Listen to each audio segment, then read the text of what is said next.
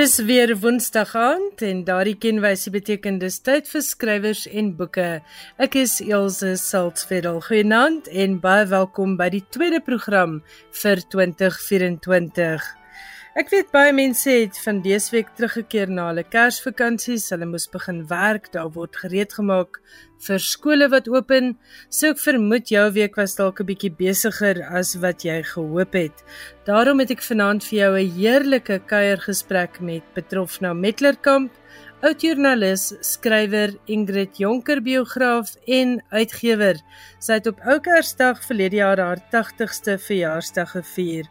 Petrofna is 'n storieverteller by uitstek en ek glo jy sal ons onderhoud vanaand ook baie geniet. Dan het Johan Meiburg ook vir ons drie interessante internasionale bydraes. Hy gesels oor die heruitgawe van 'n boek van 'n skrywer uit Mali wat eers met 'n groot Franse prys bekroon is en direk daarna tot 'n literêre herrie gelei het. Hy vertel ook meer oor die boek wat volgens die New Yorkse Openbare Biblioteek die heel gewildste onder hulle lesers was en dit is Lessons in Chemistry. Maar in sy eerste bydrae vir vanaand, waarna ons nou gaan luister, vind ons uit watter Britse skrywers nou met koninklike vererings kan spog. Lekker luister.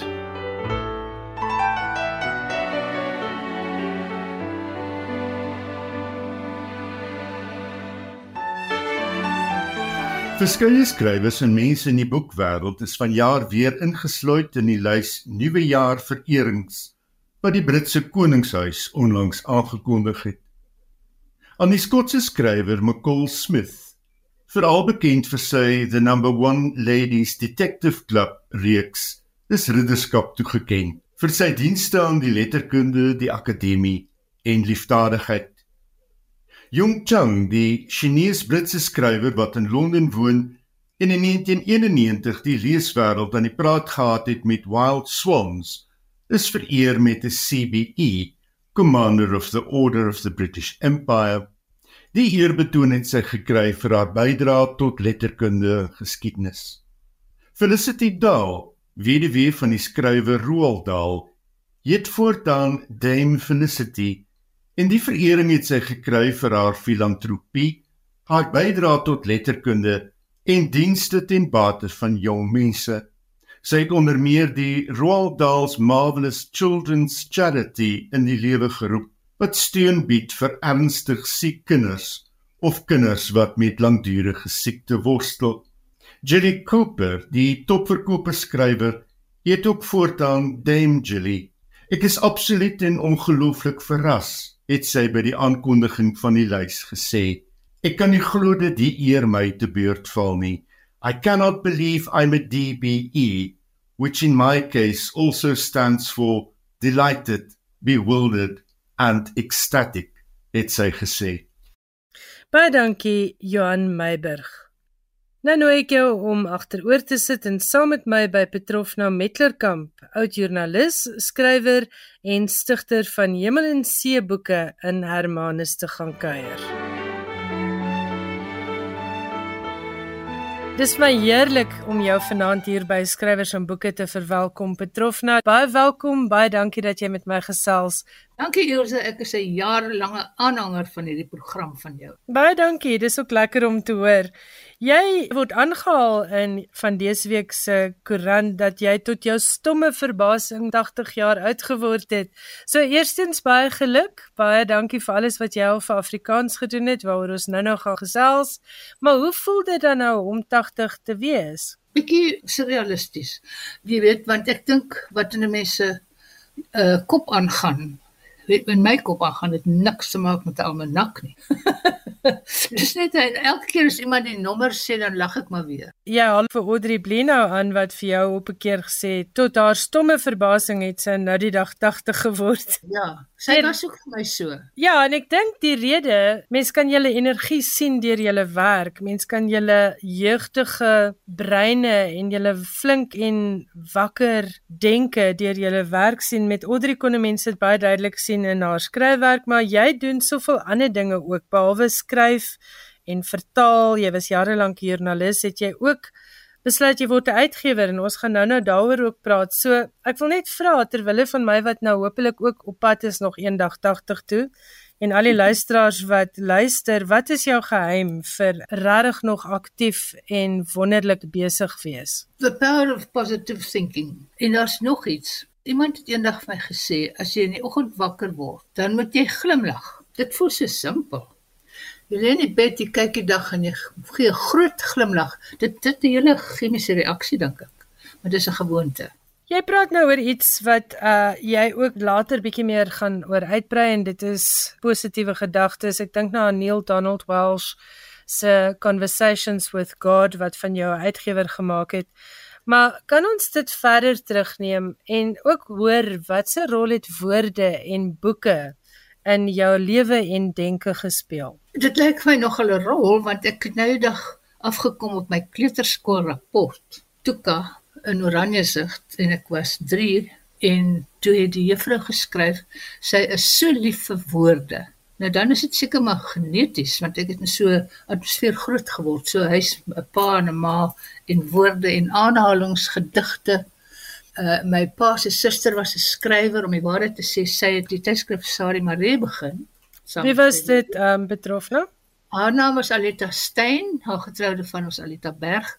Sy het 'n paar romans geskryf en sy was my rolmodel omtrent. En op haar stoep het ek geluister in die aande as ek oorslaap, dan sit ek my kop op die vensterbank met 'n kussing en dan sit sy daar met yskriege en sulke mense wat gedigte voorlees en dan speel sy Richard Tauber op die op die opwen grammofoon.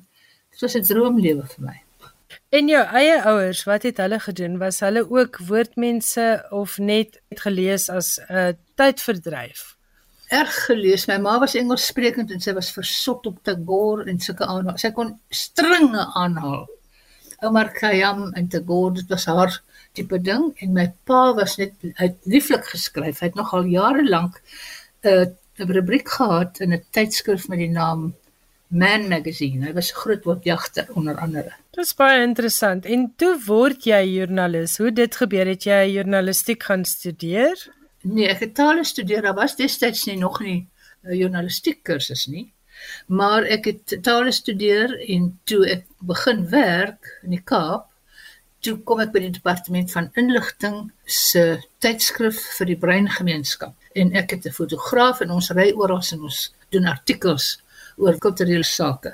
Jy deel 'n verjaarsdag week met Rykie van Reenen as ek nou reg onthou. Ek dink sy verjaar uh, sou verjaar het iewers aan die einde van Desember. Ja, ek dink 31, ja. Ja, het jy haar ooit ontmoet, saam met haar gewerk of watter ander legendes van die journalistieke wêreld en skryfwerk was vir jou as jongelinge invloed en 'n mentor? Ek het vir Ryke nie ontmoet nie, maar ek het met haar oor die foon gepraat meer as een keer. Sy was my besieling. Ek het vir haar raad gevra toe ek begin skryf het in aan artikels vir Sari eers en toe vir huisgenoot. En ek het ook een keer vir haar gebel en gevra of sy wil saamwerk aan 'n boek wat ek wil maak oor die Kaap net na die laaste wêreldoorlog toe almal teruggekom het wat in Europa gewoon het. Jy weet daar was 'n vreeslike kulturele opbloei in die Kaap.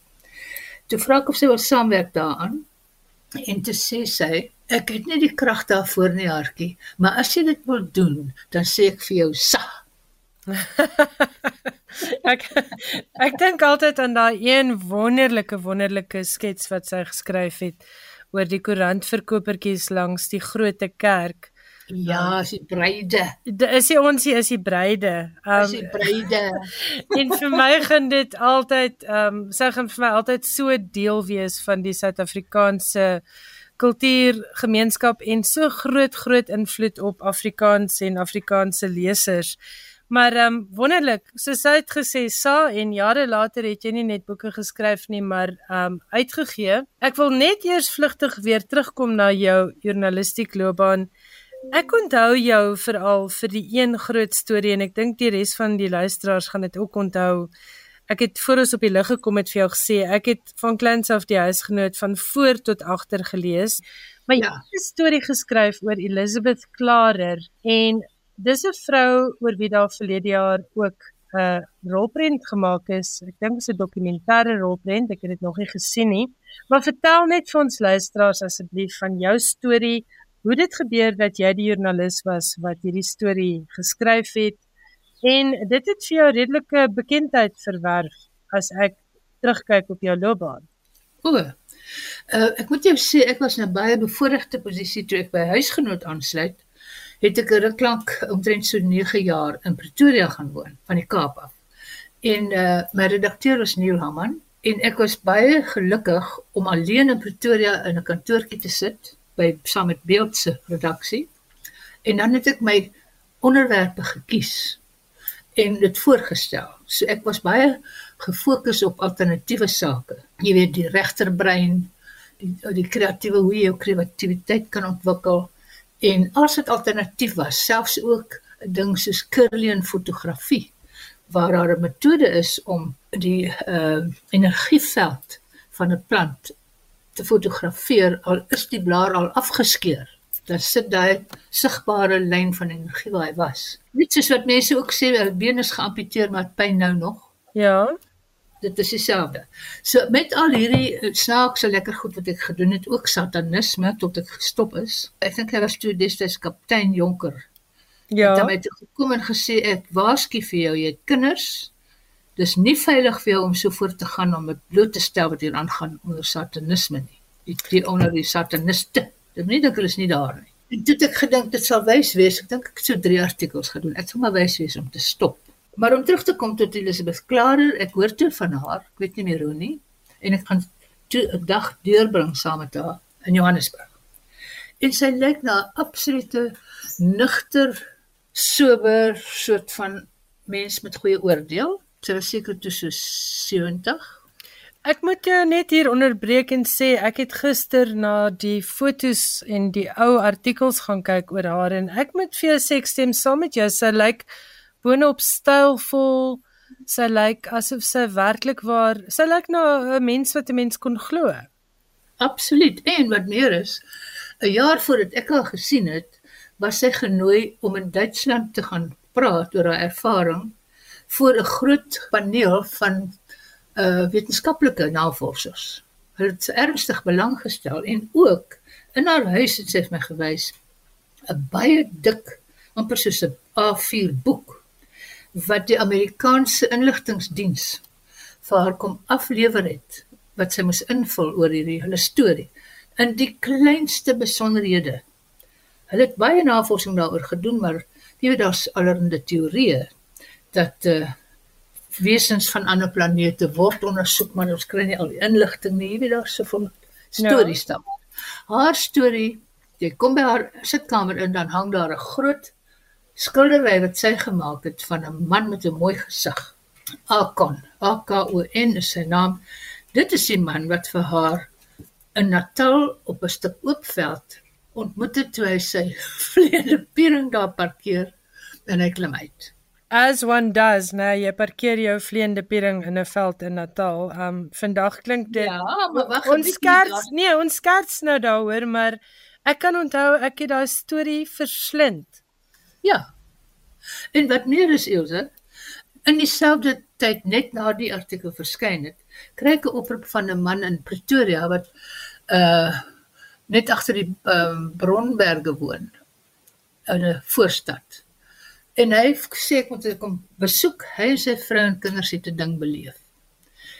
Hy werk te by die WNR. Hy's eintlik 'n wetenskaplike en hy vertel my die storie vir 'n regte waarheid.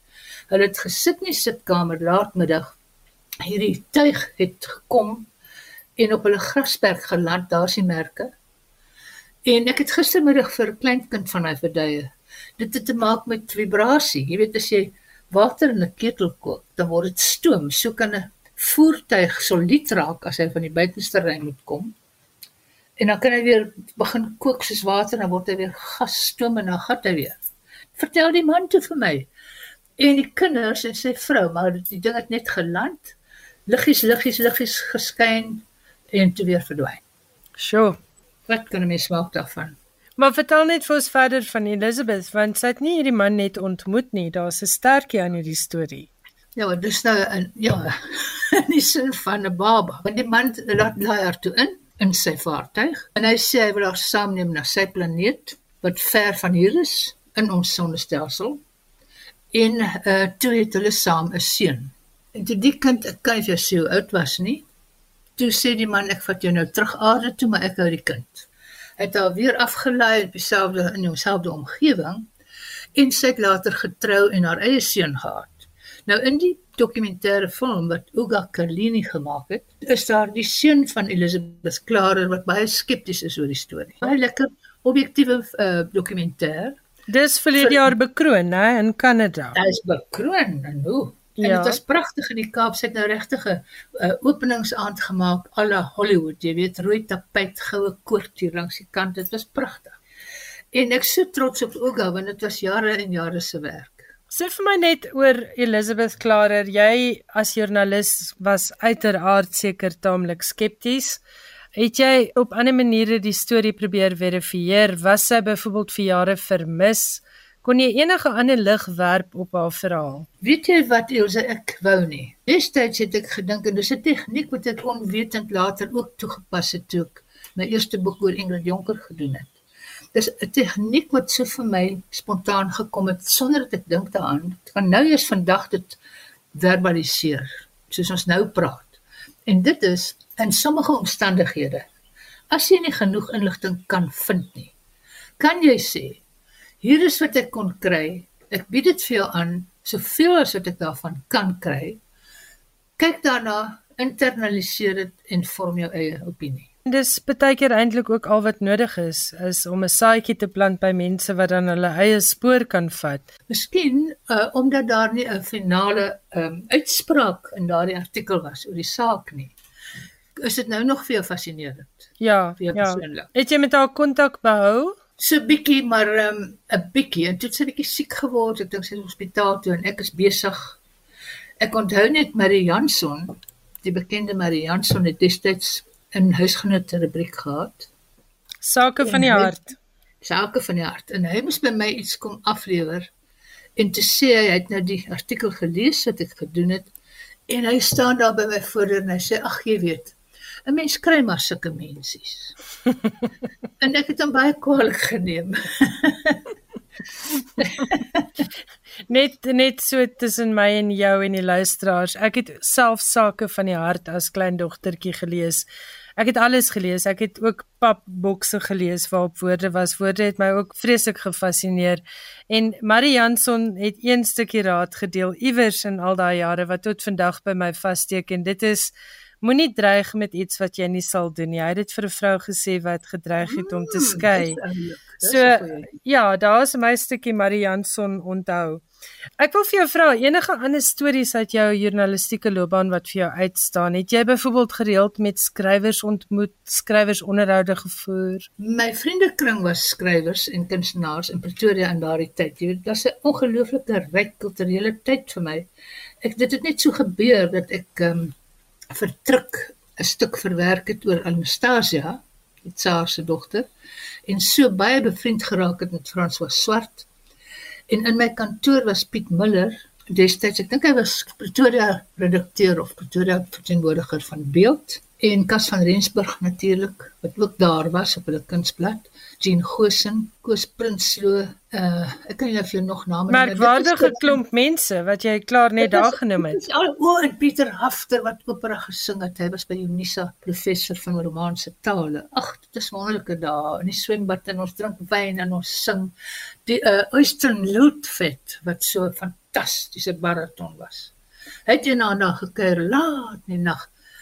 Toe sing hy in diese heilige halle. En die vensters van die sitkamer begin so te ratel wat 'n verkeerde woord is, dis Engels. Maar ek maak my drie kindertjies wakker en ek sê kom. Kom, kom kyk. En daar staan hulle oogies en vryf wat nou. maar dis in hulle. Dis goed. Dis wonderlike dae. Kunst kunstenaars, skepende dae. Inge Inge Ferreira was ook een. Net terloops is enige van jou kinders by by die woordkuns betrokke of ehm um, by boeke? Ek het drie gehad, ek het nou twee. Hulle is natuurlike skrywers en hulle het nog nie geproduseer, publiseer eintlik nie. My seun is 'n ehm um, ontwerper. Hy ontwerp wonderlike goed. En uh Ja, ek hulle het dit geërf. Hulle definitief die woord geërf. Die dogter wat oorlede is, het, het geskilder. Sy was 'n kunstenaar. Ai, jammer om daarvan te hoor, maar uh Petrofna, die die stories van jou loopbaan wat uitstaan as jy terugkyk na jou journalistiek. Enigiets anders? Die een ding wat absoluut 'n geweldige skoop was, daar's nie 'n ander woord daarvoor nie, was die Escorudi storie. Want ek was bevriend met hulle, eerstens met sy vrou, ons het saam Mielbag gespeel. En toe het ek hom ook later leer ken en hy's toe land uit in die skandaal hang in die lug in Pretoria. Ag, dit was so dramaties. Die mense wat polisie wat nie beroep van die nag by haar huis aankom. Als deur soek haar paspoort vat. Dit was baie dramaties, maar op die eind kry ek 'n kriptiese boodskap van Switserland. Mevrou De Beer bel jou môreoggend 7uur. En dis toe Katie Rudy. En daar begin die hele organisasie. Sy wil nou met sy sal haar storie aan huisgenoot verkoop vir 'n sekere Ja. bedrag want hulle het nie geld nie. En so vlieg ek oor en ek doen bly by hulle so 2 dae, dan 2 2 nag, 2 slapies en 3 dae. Alles so geheimhouding, jy kan dit nie glo nie. In die suide van Frankryk. Met kodes en om die hoek parkeer en hierdie kant om en deur 'n hek en dan sit by hulle, dit was baie geheimsinnig. En toe het ek die groot storie in huisgenoot gehad waar hulle nou wegkruip en hoe hulle leef. Sjoe. Vir vir jonger luisteraars, dit is die inligtingskandaal gewees. Ek dink daar was 'n uh, wat was die koerant die Rand Daily Mail wat betrokke was. Ja. Uh en dit is ek dink Suid-Afrika se uh, weergawe van Watergate gewees. Absoluut. Ja. Dit was groot. Dit was wêreldwyd groot. Dit was internasionaal. Sjoe, 'n merkwaardige journalistieke loopbaan. Ek gesels vanaand met Petrofna Metlerkamp. As jy nou eers ingeskakel het, jy luister na skrywers en boeke en Petrofna het natuurlik ook groot bekendheid verwerf as skrywer, vertaler en uitgewer en ons gaan nou 'n bietjie daaroor praat.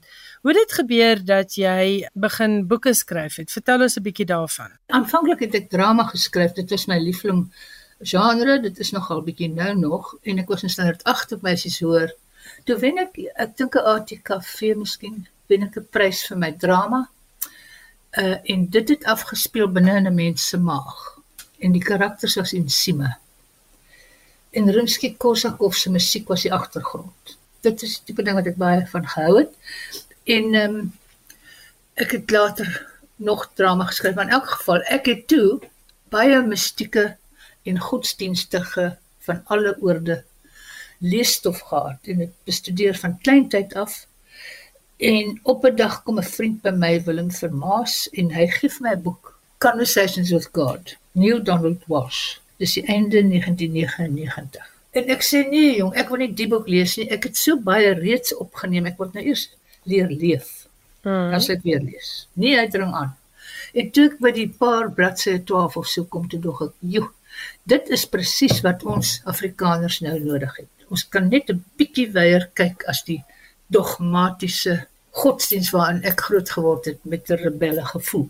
En toe dog ek maar nou moet ons mense die boek kry en ek begin vertaal blitsig. Dit was amper soos outomaties. Dit het so vinnig gegaan. En ek vra te vir 'n uitgewer, ja, hulle stel belang. Hulle sal so 2 jaar nodig hê om dit te publiseer. Toe sê ek nee, dankie, dit is te lank en ek vind toe uit ek kan by leserskring aanklop en ek kry 'n bestelling. Ek dink ek is so sleg met nommers. Dit is of 3000 of 6000 eksemplare. Wat baie is vir ongeveer 2000. Daardie dag. Ja, ja. Net om vir En- lesers en of luisteraars perspektief te gee. Ek dink uh jy is baie gelukkig deesdae as nuwe skrywer as jy byvoorbeeld 'n oplaag van 3000 kry. Ek dink deesdae trek dit so by 2000 en selfs minder vir Minder. pro, vir poesie byvoorbeeld. Minder, baie minder. Ja. Kom ons sê dit was 3000. Toe ek die bestelling gee my genoeg geld om meer te druk as dit wat ek te doen. En die hele spul het van die begin van vertaal tot bes- verskyning van die boek was iets soos vir die sê maar 4 maande. Sjoe. En hier het nou die lotboeke wat daar se leserskring se bestellings afgelewer. Ek sit met die res en ek laai my motor vol en ek begin van winkel tot winkel dwars deur die land. Gee ek net boeke. dit is 'n wonderlike geleentheid en die boeke het gevlieg. En dit is waar Hemel en See Uitgewers gebore is, korrek? Ja, toe woon ek hier waar ek nou nog is op 'n hoë duin vlak langs Hermanus. Ek kyk dwars oor tot in Gansbaai en as ek my bed destyds gelê het, kyk ek die hemel een kant en die see as ek afkyk. Dis waar die naam toe vandaan kom. En uh, dit was my eerste publikasie en die plan was dit is maar net die een. Want ek het so baie wat ek wil skryf. Maar toe het dit skools vir iemand aanbeveel om haar manuskrip vir my te bring en daar begin die een na die ander en as jy eers 'n passie het vir boekmaak, dan byt hy vir jou. Dis hoekom dit my nou ek kan nie vir sê hoeveel jare geneem het om af te tree. Ek dink 3 jaar. Ek het 4 keer afgetree om te lip. en nou sit finaal. Want ek het soveel wat ek nog skryf. Miskien gaan ons uh, oor 4 jaar 'n onderhoud doen en dan gaan jy sê tot jou stomme verbasing het jy nou regtig afgetree. Ehm um, Nee, as uitgewer, as uitgewer het ek nou afgetree. Maar maar Hemel en See bestaan nog. Hy bestaan met my vernoot Helga Steyn. Uh sy is my suster en sy is my vernoot, sy's briljant. En uh, die voordeel wat ons het as 'n klein uitgewery is om een skrywer op 'n slag te hanteer, een boek op 'n slag. Dis ja. wonderlik. Ja. Ons is nie ons is nie vir 'n finansiële instelling nie. Ons is mense met 'n passie vir die boeke. Enige idee hoeveel boeke jy oor die jare gepubliseer het? Want dis dan nou wat, omtrent 20 jaar? Dis meer as kyk die eerste boek was 2000. Ja, ek kan nie vir jou sê nie, ekskuus. Ja, so 'n uh, interessantheidshalwe. Maar maar dis sê dis in een een half jaar. Nee, dis seker maar 2 jaar sê maar. Maar daar was groot boeke en dit is waaroor ek ook verder met jou wil praat. Is jy het boeke uitgegee oor Ingrid Jonker, Audrey Blino, Henny Oukamp. Daar was 'n fantastiese boek gewees oor Jean Gosen. Nee, meer as een boek oor Jean ja. Dan was Wie? daar uh Ingrid Jonker se biografie. So dit is nie ja. sommer ja. net um klein boekies wat jy uitgegee het nie. Jy het ook wel baie boeke uitgegee wat nisboeke was wat nou nie noodwendig hoofopskrifte gehaal het nie, maar wat vir ander mense belangrik was. Hoe het hierdie prosesse verloop? Hoe het jy byvoorbeeld besluit jy gaan iets doen oor Ingrid Jonker of Jean Gosen en presies wat het jy gedoen? Goed, ek het met Ingrid Jonker ek het haar poësie baie goed geken. Van haar het ek niks geweet nie. Eh tot ek die aand op televisie sien dat die nuwe president haar gedig lees, ewe skielik besef ek maar dit gaan oor die hele aardbol. Mense stel belang in Suid-Afrika en in Mandela. En dis waar my tog met haar begin het in 1994. Verlede jaar 2000 wat was dit? 23 het ek geëindig met daai tog eintlik deurdat daar 'n dik dik 646 of iets bladsye verskyn het in Nederlandse vertaling van my biografie. Huh, ek dink as 2 of 3. Dis Ingrid Jonker. Jean Goosen het ek geken so intiem baie jare. So van haar het ek vier verskillende boeke gepubliseer in die laaste tyd. O, jene, daar's ek al weer uitgegewer want hierdie jaar, o, jene, Ja, ekskuus, hierdie jaar verskyn. Ey, verskyn uh die 5de Jean Gosen boek en dit is 'n uh, versameling van haar prosa, baie wat nog nie verskyn het nie en hier en daar 'n merkwaardige rubriek wat andersins net verlore sou gaan. Jy weet, as 'n uh, uitgewer is mos 'n bewaarder. Ja, ja. Ek wil ook uh, jy het, jy het geskryf aan van hierdie boeke en ander uh boeke was jou rol die van samesteller uitgewer. Dit is alles 'n vorm van argivering en ook 'n vorm van kurator wees um, om te verseker dat hierdie goed onder die regte aandag gebring word. Dis die ding. Jy sien met met Audrey Blino byvoorbeeld het Leon Rousseau se eksvrou Winnie, wat ek nie geken het nie, sy het my gebel eendag en sy's in Stellenbosch by die dokumentasiesentrum. Sy bel en sy sê sy wil dadelik hiernatoe ry. Wat sy toe doen? En sy kom sê vir my sy ontdek daar 'n berg briewe wat Audrey Blino privaat geskryf het. Anders as in die ou kamp of Uitskrige of selfs Pieter Bloem wie se briewe ek almal publiseer het, het Audrey glad nie bedoel dat hierdie nou vir die publiek sal wees nie. Dis regtig aan haar dogter, haar vriendin, haar beste vriend. Joh, maar dis mooi pragtige briewe. En Winnie is so opgewonde ek moet dit publiseer. Wat ek te doen in 'n besondere mooi uitgawe dink ek. Al hierdie brieweboeke is toe 'n hele klomp van Wyk Lou en sy broer se laaste jare ook briewe. is almal baie mooi hardebandboeke. En wat ek so geniet het van Audrey is dat ek so bly was om haar weer te leer ken. Ek het haar as klein klein dogtertjie in die Kaap met die begin van Sarie 'n bietjie gesien, maar nou kon ek bietjie met haar kommunikeer alhoewel sy al outerig was en nou en dan nie so heeltemal helder nie, maar wat 'n ongelooflike mens en haar man Attie wat so uit die hemel gestuur is vir haar. Weet jy dat hy was die ek dink die sekretaris van die Volksraad. Ja. En sy het haar trou het hy afgetree en hy het sy hy het eintlik sy lewe aan haar gegee en haar alles vir haar moontlik gemaak om te kan sit en skryf. Wat 'n droom. Maar die laaste dag wat ek met haar beleef het was pragtig want tussen die boeke in haar hande en sy kan nie ophou blaai en voel weer die omslag en kyk die prentjie en sy was so naskik en dit was vir 'n Kwela opname wat ek nogal soek wil graag hê. Dis 'n lieflike voorblad, 'n blywende vreugde is jou boek se naam, Briewe van Audrey Blenow en die voorblad lyk amper soos 'n stuk materiaal van 'n Chinese kleed, um kimono, is is, is ek reg? Was dit dit? Weet jy ek ek was so desperaat vir 'n voorblad idee en 'n titel dat ek eintlik begin bid het. Asseblief, wat kan ek doen? Want jy weet as jy na haar ander boeke gekyk het, ek dink haar so 22 met haar essays. Is dit baie keer skilderye as voorblad. Ek kon ek kon tog nie dit doen nie. En toe het ek onthou sy het my gewys, sy het in Tokio het sy hierdie rooi sy baadjie gekoop. En ek stuur toe my dogter wat my omslag ontwerp het. En sy neem 'n foto en sy maak daarvan die pragtige rooi voorblad wat Audrey was mos rooi. Ek wou nou net vir jou sê as ek aan Audrey Blenow dink, dan dink ek aan rooi. Ek weet nie hoekom nie, dis 'n beeld wat in my kop vassteek solank as wat ek haar naam ken. Ek dink dit het iets te doen gehad met haar aansteeklike energie, haar vrolikheid, haar positiewe ingesteldheid. So vir En my 'n gepaste voorblad. Ja, passie. Ja. Haar lipstifie was ook baie rooi. Jy luister na skrywers en boeke op RSG. As jy pas ingeskakel het, jy luister na skrywers en boeke. Ek is Elsje Saltzveld en ek gesels vanaand met skrywer, oudjoernalis en uitgewer Betrofna Metlerkamp. Betrofna, ons het nou gepraat oor al hierdie literêre boeke van jou, maar watter ander boeke staan vir jou uit in jou loopbaan as uitgewer? Vanus Rittenbach. Jy weet, ek dink hy was baie onderskat. Ek dink Vanus was geniaal. En hy het eendag hier gekuier met mense vir ete en toe bly hy sommer oor want ons het so lekker gesels. En toe vertel hy my van 'n koffer vol notas en papiertjies wat hy het. En toe sê hy vir my, ek dink dit was Julie. En ek sê toe ook sê hy vir my, het in November se kant verjaar hy. Sy vriende dink hy word 75, maar hy word net 74. Maar hy gaan hulle nie sê nie want daar's 'n groot verjaarsdag in die Voortrekker Monument. Toe sê ek vir my, kom ons kry die boek gereed vir jou verjaarsdag. Wat 'n lawwe ding was, maar daar gat ons toe. Baie hard gewerk om van die lot papiertjies in notaatjies, in insidente, cameos 'n boek te maak.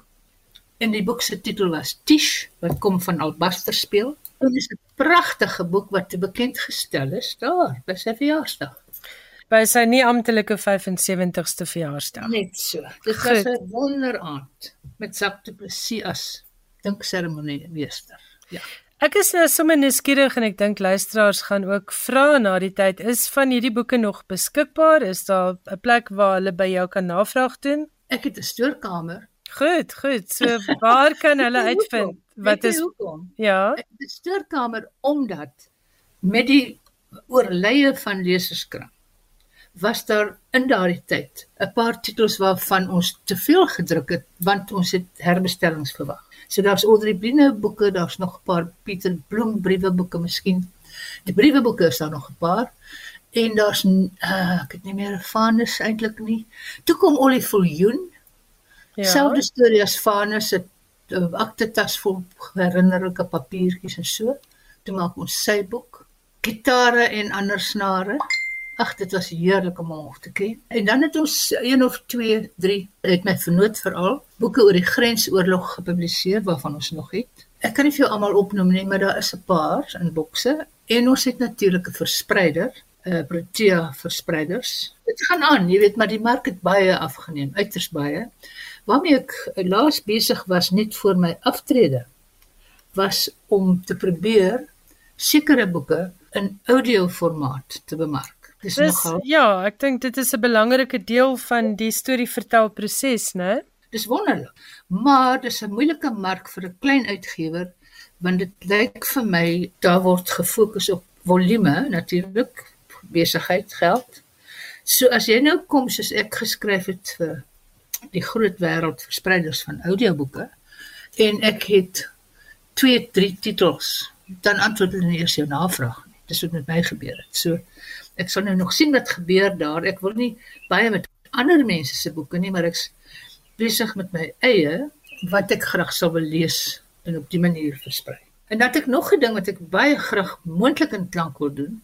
En dit is 'n drama wat ek geskryf het vir die eerste Kalfie fees hier in Hermanus jare gelede. Antoinette Pinaar het die rol gespeel van 'n walvisvrou My walvisvrou se naam is Balena en ek sit die drama wat ek nou verbeter het in 'n nuwe formaat.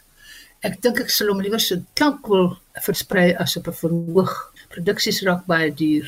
So daar's altyd 'n kwessie van waarheen gaan ons nou, waarheen gaan ons nou? Ek sien Barbara Streisand het haar memoirs nou self gelees as as 'n autobiografiese werk van baie duisend bladsye. Ek weet nie hoeveel ure.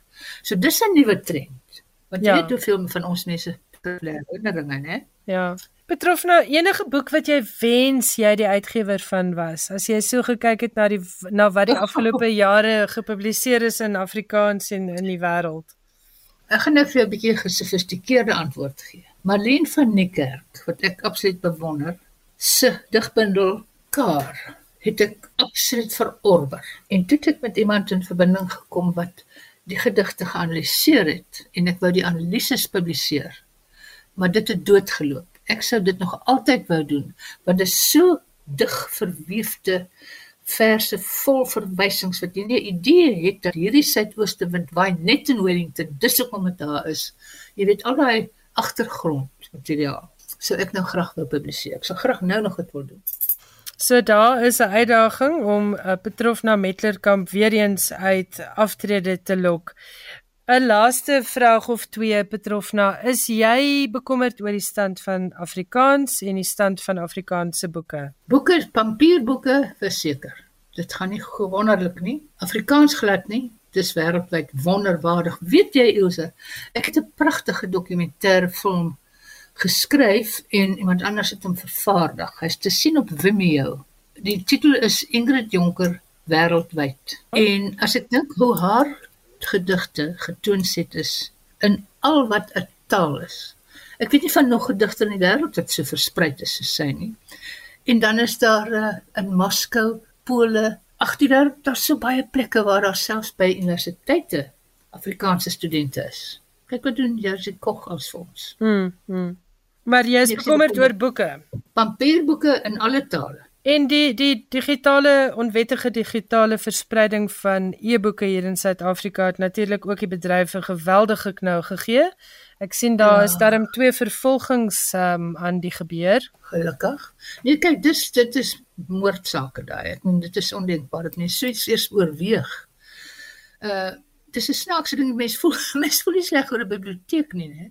Die ding van 'n biblioteek is iemand koop daarom aanvanklik daardie boek en 'n paar biblioteke koop 'n klomp uitgawes en ek dink ja. biblioteke het 'n groot rol gespeel in die bevordering van Afrikaans en van die boekbedryf maar die ja. die blaatante steel van 'n boek en gratis verspreiding na duisende ander mense wat dit op hulle beurt weer na duisende ander versprei is niks anders as diefstal nie Nee, dis net gewone diefstal. En ehm uh, ja, ongelukkig gebeur dit ook op ander gebiede dat mense kopiereg net by die venster uithardloop. As jy vanaand vir enige jong skrywer, voornemende skrywer, aspirant skrywer of joernalis uit die agtergrond van jou werk as joernalis kan raad gee oor skryf, wat sal dit wees?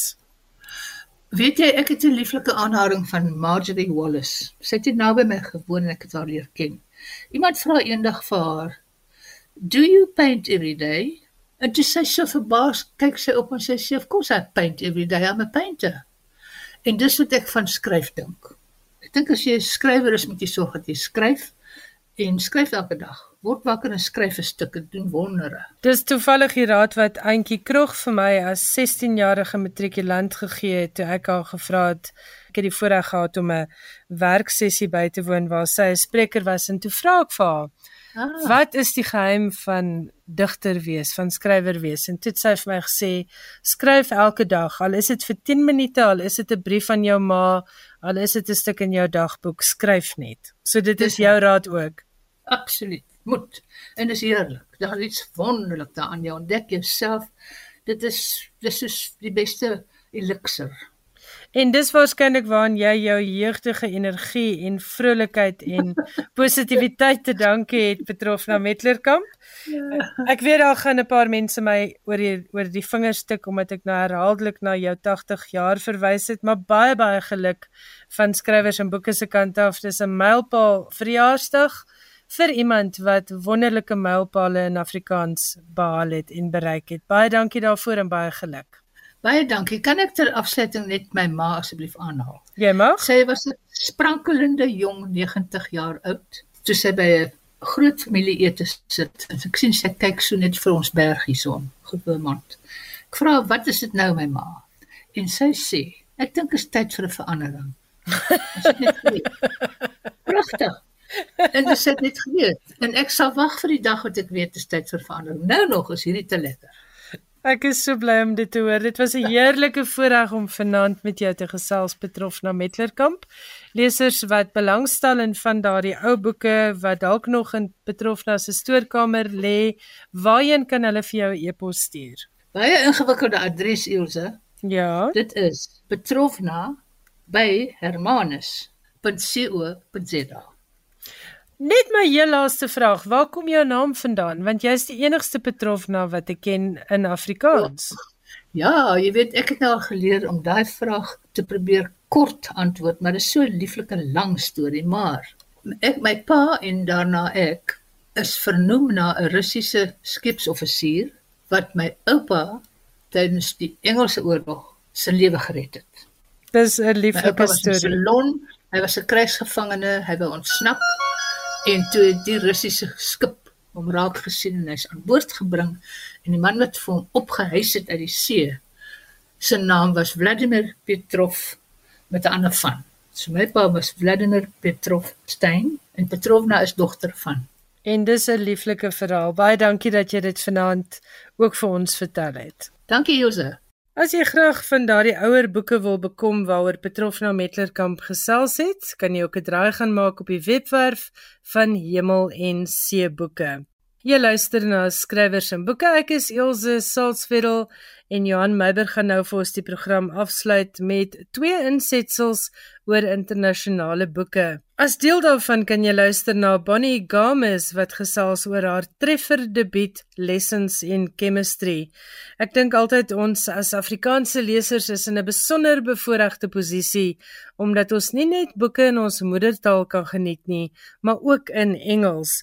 Games se debuutroman was nie net een van 2022 se topverkopers wêreldwyd nie, beslis ook hier in Suid-Afrika maar dit is sedertdien in meer as 40 tale vertaal.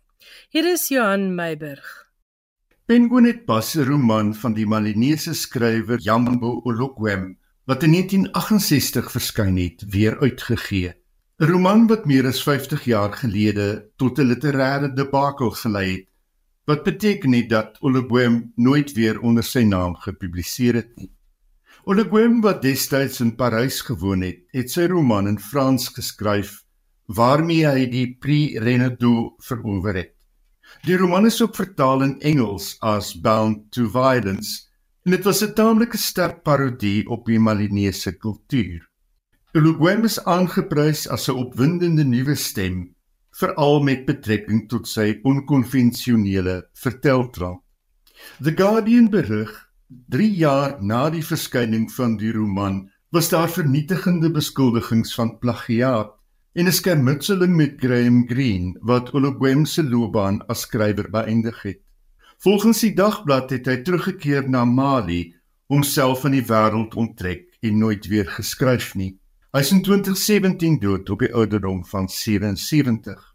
Nietemin blyk dit dat hy wel nog een roman geskryf het, weliswaar onder die naam Otto Rudolf. 'n Anonieme brief in Times Literary Supplement het Green se aandag destyds gefestig op ooreenkomste met It's a Battlefield, Green se roman van 1934. Daar was ook ooreenkomste met die Franse skrywer André Schwartz-Bart se roman van 1959 wat vertaal is as The Last of the Just. Schwartz-Bart het niks gemaak van die ooreenkomste nie en het volgens Kay Bradley, die Penguin redakteur van die jongste uitgawe, gesê hy voel nogal gevlei oor die hele aangeleentheid. Green het egter by Olugwem se uitgewer aangedring dat gedeeltes van Olugwem se roman herskryf moet word. Olugwem het geweier en uit die openbare oog verdwyn. Green het 'n hofsaak gemaak en die uiteinde was dat die roman in Frankryk verbied is en in die Engels vertaling is 'n kennisgewing aangebring dat die uitgewers erken dat enkele dele in die boek ooreenkom met Green se It's a Battlefield. Volgens Bradley het Penguin besluit om die boek heruit te gee om die beeld van 'n begaafde skrywer te probeer herstel en om voor te stel aan nuwe lesers. Bound to Violence word steeds gereken as 'n literêre baken 'n modernistiese teks met verwysings na die Bybel, die Koran en veral ook mondelinge Afrika tradisie.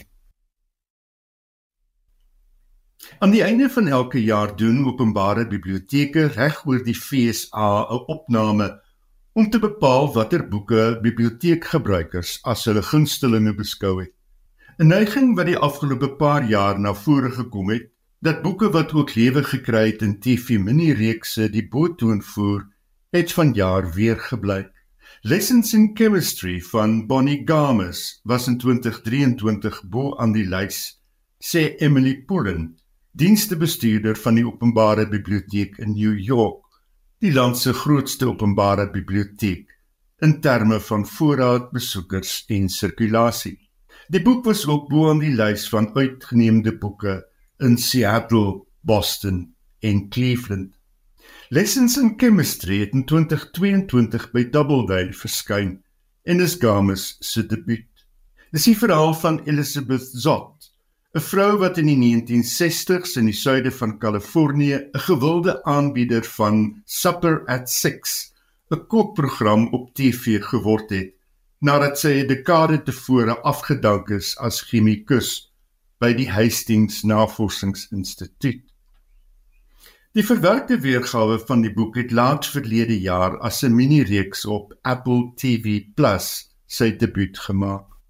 Elizabeth Zott se benadering tot kookkuns is ietwat onkonvensioneel en sy beskryf die bestanddele wat jy gewoonlik in jou koskas het vermaaklik in terme van hulle chemiese kwaliteite.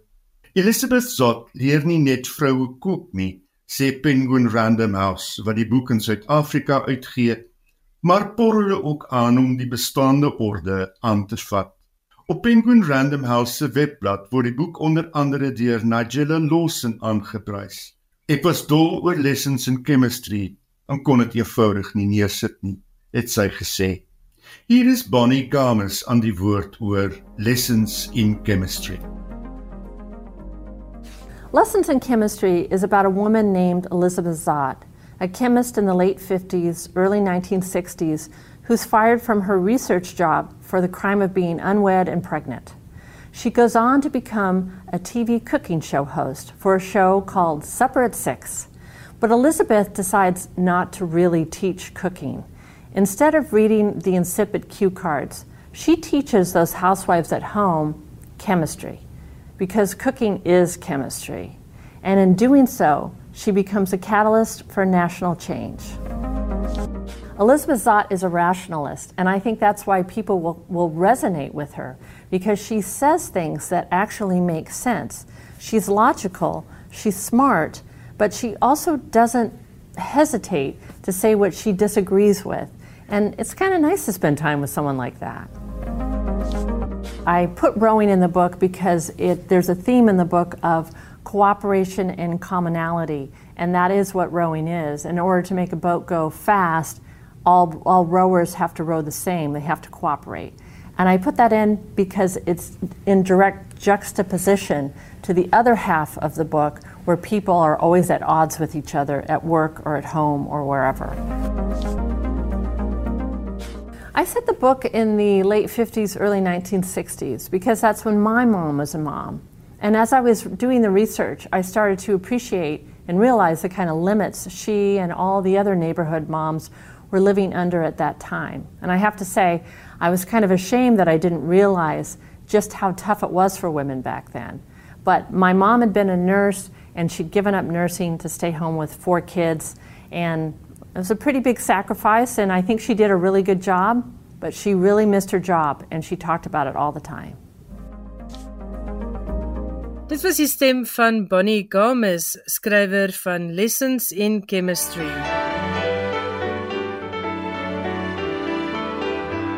daarmee groet ek en Johan Meiburg. Ons is volgende Woensdag aand weer terug. Dan kyk ek so bietjie saam met die baie veelsidige Marita van der Vyver en ons gaan terugkyk op haar loopbaan wat strek oor volwasse romans, kleuterboeke, tienerromans en dan natuurlik die legendariese Griet skryf 'n sprokie wat haar 32 jaar gelede in die letterkundige kollig gesit het. Tot volgende Woensdag aan dan. Ek hoop jy het 'n fantastiese week propvol lekker leesgoed. Totsiens.